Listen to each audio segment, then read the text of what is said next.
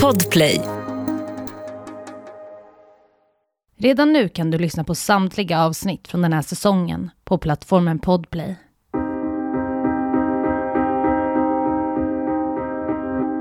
Klockan är runt 16.00.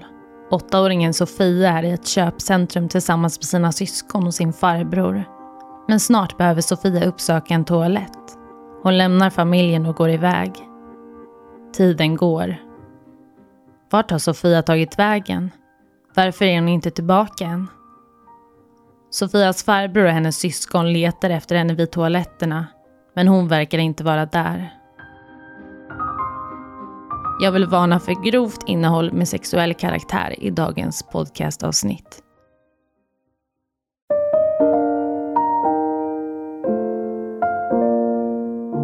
Sofia var en åttaårig flicka som bodde tillsammans med sin familj i Wale, västra Australien.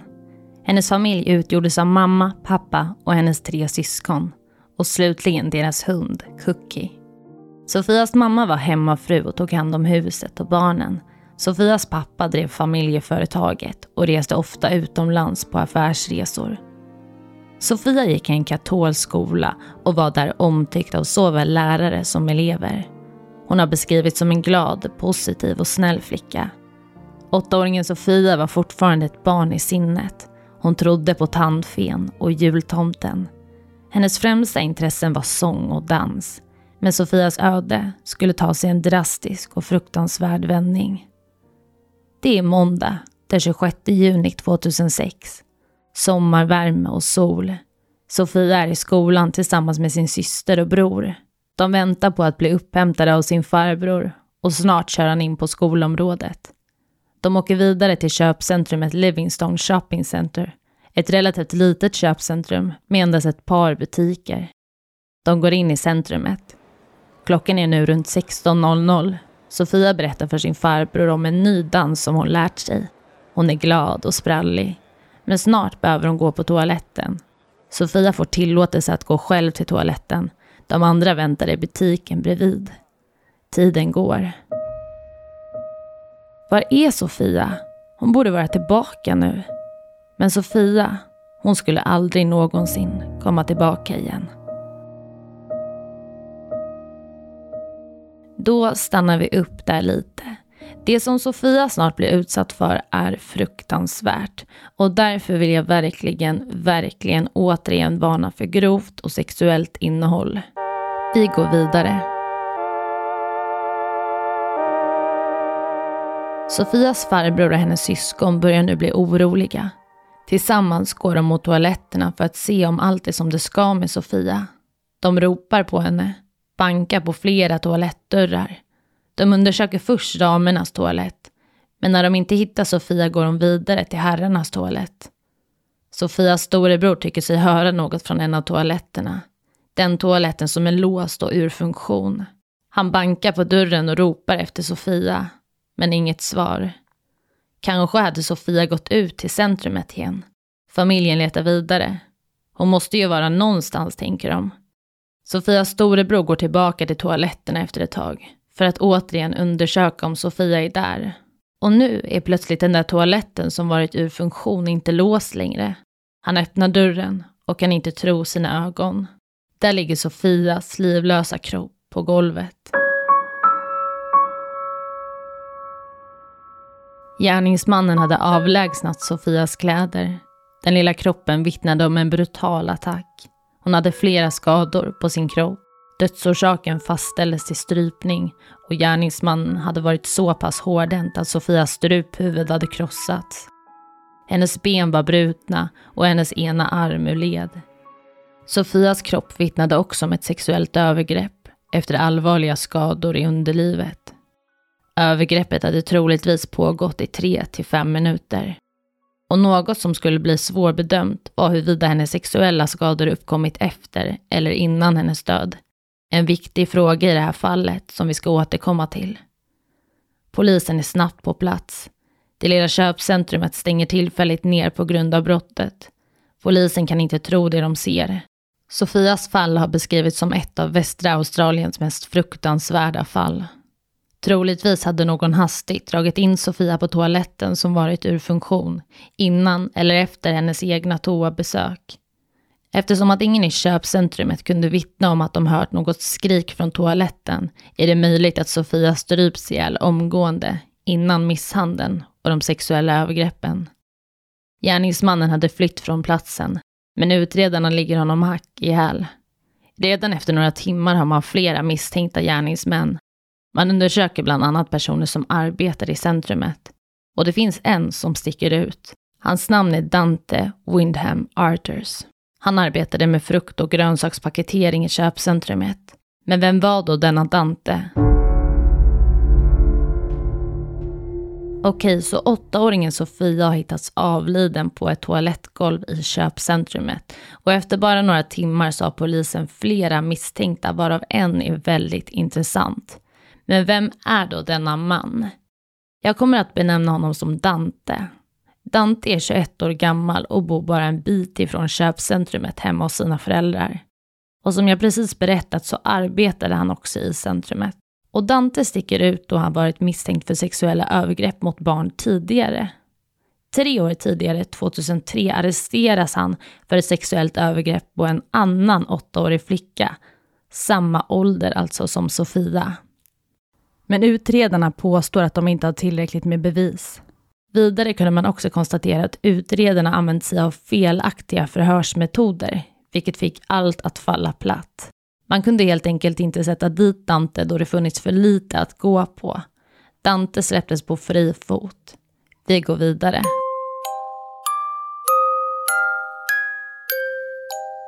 Dagen efter mordet på Sofia åker polisen hem till Dantes föräldrars hus. I huset befinner sig just då Dante. Han arresteras och får följa med poliserna till stationen. Samtidigt genomsöker man hemmet och hittar viktiga pusselbitar som kan kartlägga Dantes beteende. I en väska som tillhör just honom hittar man en kniv, handfängsel, latexhandskar, rep och bilder på unga flickor. På vissa bilder står det respektive flickas namn, ålder och adress. Dante hade vidare skrivit upp hur man kunde ta sig till respektive flickas adress, GPS-noteringar. Sofia fanns inte med på något av dessa foton men det var tydligt för polisen att Dante var fixerad vid unga flickor. Dante föddes 1984 i västra Australien. Några år senare flyttade familjen till England för att sedan återvända till västra Australien igen. Sedan tidig ålder hade Dante diagnostiserats med Asperger, ett samlingsnamn för funktionsnedsättningar som har en inverkan på hur man tänker eller kommunicerar med människor. Det är olika för alla människor som har diagnosen, Vissa intresserar sig lite extra för något specifikt. Man kan ha svårt för att förstå och hänga med i sociala situationer. När Dante förhörs av polisen förnekar han inte det som hänt. Men han säger heller inte att det har hänt. Han säger att han har förståelse för att han är gärningsmannen. Men han kan inte minnas så mycket. Och han vet inte om Sofia utsatts för de sexuella övergreppen innan eller efter sin död.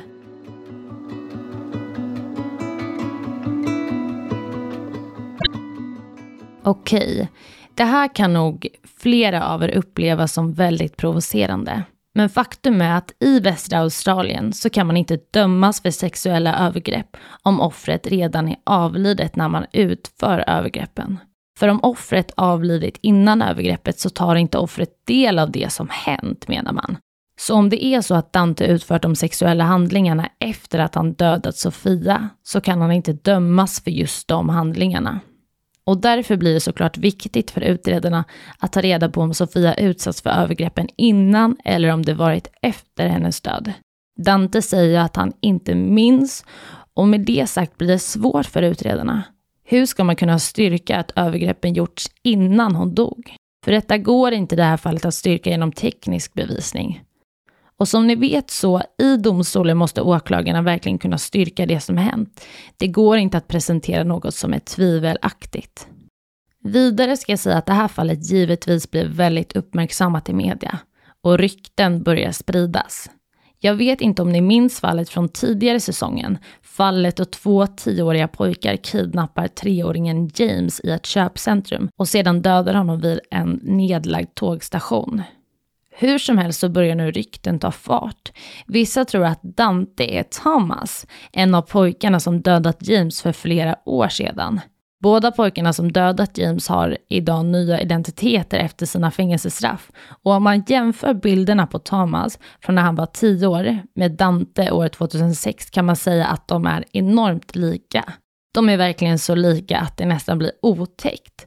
Men faktum är att de här ryktena går så långt och så många tror att det stämmer så myndigheterna får gå ut i media och berätta att det inte rör sig om samma person. Ja, det var en liten side story. Med det sagt går vi vidare. Dante kan inte minnas mordet. Det är i alla fall vad han säger. Han menar att enligt hans huvud så har någon annan gjort det. Han ser inte att han själv är den som dödar Sofia, men han vet inte. Det enda han egentligen vet är att han har haft ett begär inom sig. Han har velat röra vid en flicka sexuellt, men aldrig hade han velat döda någon. 2003 hade Dante blivit arresterad och anklagad för att sexuellt ofredat en annan flicka. Och nu när Sofias fall tar fart öppnar man återigen upp anklagelserna från 2003. Utredarna och polisen har sagt att det inte funnits någon bevisning, men det visar sig nu vara fel. Dantes shorts som han haft på sig under den eventuella attacken 2003 har legat i förvar hos polisen. Men shortsen i sig har aldrig undersökts tekniskt. Och nu tre år senare gör man den där tekniska undersökningen av shortsen och finner då blod från det tidigare offret på Dantes shorts. En viktig pusselbit för fallet från 2003. Polisen möter nu skarp kritik. Sofias pappa säger i media att polisen hade kunnat stoppa Dante. Han borde ha åkt dit redan år 2003. Då hade kanske Sofia levt än idag. Vidare kan man inte konstatera om Dante utfört de sexuella handlingarna och misshandeln innan eller efter Sofias död. Och på så vis kan man heller inte döma honom för dessa handlingar. Dante som arbetade i köpcentrumet hade fått syn på Sofia. När de gått igenom korridoren mot toaletterna hade han följt efter henne. Han hade tagit tag i henne, dragit in henne på en av toaletterna som varit ur funktion och låst dörren. Dante har erkänt att han utfört sexuella handlingar på Sofia, penetrerat henne. Men han säger att han inte vet om hon var död innan handlingarna. Han minns också att någon bankat på dörren när han penetrerat Sofia, troligtvis Sofias bror. Sofias familj är såklart helt förkrossade. De klarar inte av att befinna sig i domstolen under rättsprocessen och representeras istället av två personer från Sofias skola. Dante erkänner sig skyldig till mordet han får livstidsfängelse med en icke villkorlig period på 13 år. Under rättegångsprocessen framkommer det också att för tiden då Dante och hans familj bott i England har Dante återigen varit utredd för sexuella övergrepp på en annan tjej 2001. Men i brist på bevis lades utredningen ner. 2016. Det har gått tio år sedan Sofia hittades livlös på en toalett. Sofias pappa intervjuas av The Sunday Times. Han säger att familjen inte längre känner något hat. Men trots det vill de inte att Dante någonsin går fri igen. Han säger, citat, hade hennes mördare dömts för sitt tidigare brott hade han lagts till i registret för barnsexförbrytare. Sofia hade kanske varit vid liv idag. Vidare säger han, det som hände är helt otänkbart. Det var den värsta oturen någonsin. Men det hade kunnat hända vem som helst. Han säger också, som en familj pratar vi om Sofia kanske en eller två gånger i veckan. Hon skulle ha blivit 18 förra året. Hon hade nog kört lagligt nu. Jag är ju väldigt försiktig med att blanda in mina egna åsikter. Men i det här fallet så tror jag att vi tänker samma sak. Hur kan det vara okej att ha sex med en åttaåring bara för att hon redan är död? För det är ju precis så det blir när man inte kan dömas för övergrepp om någon är död. Jag kan faktiskt inte förstå hur det ser ut så här i västra Australien, men det är faktum. Idag hade Sofia varit 24 år om hon levt. Dante sitter än idag i fängelset. Ett fängelse med maximal säkerhet. Under 2019 var det tänkt att Dante skulle på förhörsavtal. Då får den som är dömd möjlighet att berätta sin historia om det som varit.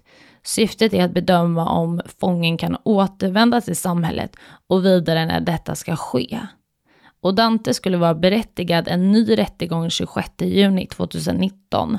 Men över 100 000 människor från allmänheten skrev under på att man inte ville se Dante bli frigiven redan nu. Och Dante får alltså vänta ytterligare på frigivning.